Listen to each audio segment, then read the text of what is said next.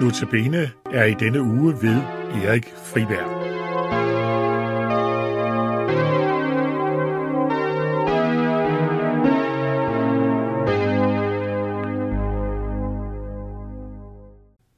I andagterne i denne uge, der skal vi møde en adventsgivelse, nemlig Johannes Døber, som var en forløber for Jesus, som var en budbringer for, at Jesus skulle komme. Det er jo adventstid, så var det med naturligt at tage en adventsskikkelse frem her. I dag, øh, i dag skal vi høre om hans fødsel og opvækst. Det stod, vi kan læse om det i Lukas kapitel 1, men vi skal ikke læse hele kapitlet. Det er alt for langt. Jeg vil læse lidt og fortælle lidt. Der står i de dage, da Herodes var konge over Judæa, var der i Abias skifte en præst ved navn Zacharias. Hans hustru var Arens slægt og hed Elisabeth. De var begge retfærdige for Gud og levede et uangribeligt efter alle herrens bud og forskrifter. Men de var barnløse, for Elisabeth var ufrugtbar. De var begge højt oppe i årene. Vi møder her præsteparet Zacharias og Elisabeth. Der stod dem om, de var begge retfærdige for Gud og levede uangribeligt efter alle herrens bud og forskrifter. Vil jeg forstå sådan? De levede i tillid til et levende Gud, i tro på deres sønders forladelse.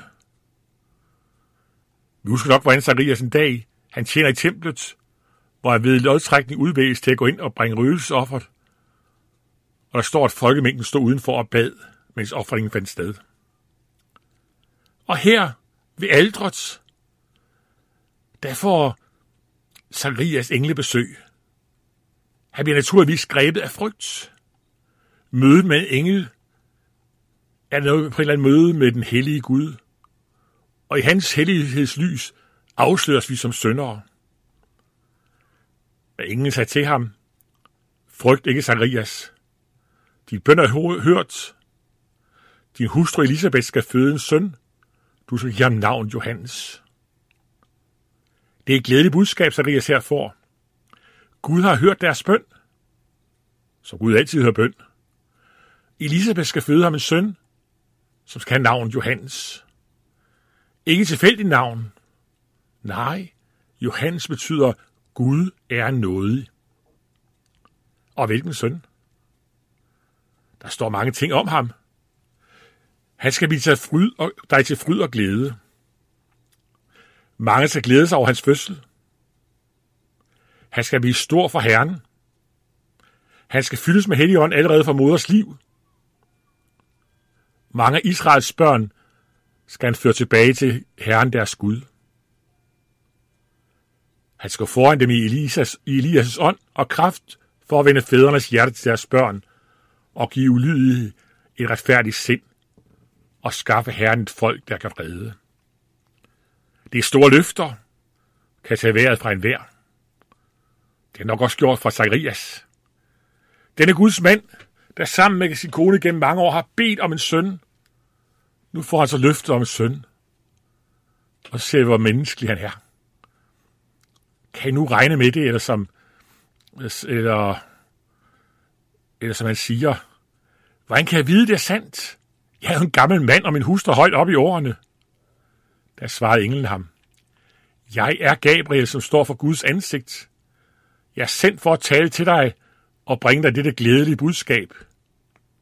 Men du skal blive stum, og ikke kun tale før den dag, det er sket, for jeg ikke troede mit ord, som vil gå i opfyldelse, når tiden er inde.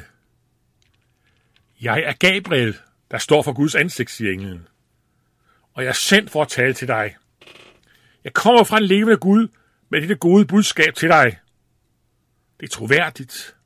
Det er værd at tro på. Så vi tror på alle Guds løfter. For Zacharias får den konsekvens, at han ikke tror på englen. Han bliver stum, indtil løftet er opfyldt. Da han kommer ud af templet, må ved tegn gøre klar, at han er stum. Og tiden er, da tiden templet er omme, drager han hjem. Og herefter hører vi så, at Elisabeth bliver gravid. Seks måneder efter hører vi, at Gabriel igen er afsted med et vigtigt budskab, nemlig til Maria i Nazareth. som får budskabet, når vi Helligånden skal føde Gudens søn, Jesus. Og hun får at vide, at Elisabeth, hendes slægtning, er gravid. Hun så bliver regnet for ufrugtbar, og Maria drager afsted for at besøge hende. Og der kan vi så læse, da de mødes. Hun gik ind i Zacharias hus og hilste på Elisabeth. Da Elisabeth hørte Marias hilsen, sprang barnet i hendes liv, befyldt med helligånden, og råbte med høj røst. Velsignet er du blandt kvinder, velsignet dit livs frugt. Hvordan kan det forundes mig, at min herres mor kommer til mig? For i lyden af din hilsen nåede mine ører, sprang barnet i mig af fryd. Sagde jeg hun, som troede, for det, som er talt til hende af Herren, skal gå i opfyldelse. Gabriel havde sagt om Johannes, han skal være fyldt af Helligånden allerede fra moders liv. Det ser vi her. Tiden kommer. Elisabeth føder sin søn, som lovet. På 8. dag skal han omskæres og have navn.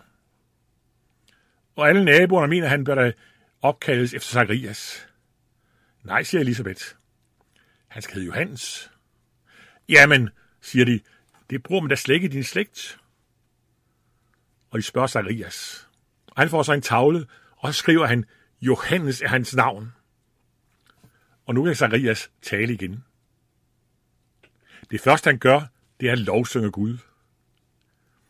En herlig lovsang, som du kan læse i Lukas kapitel 1 fra vers 67.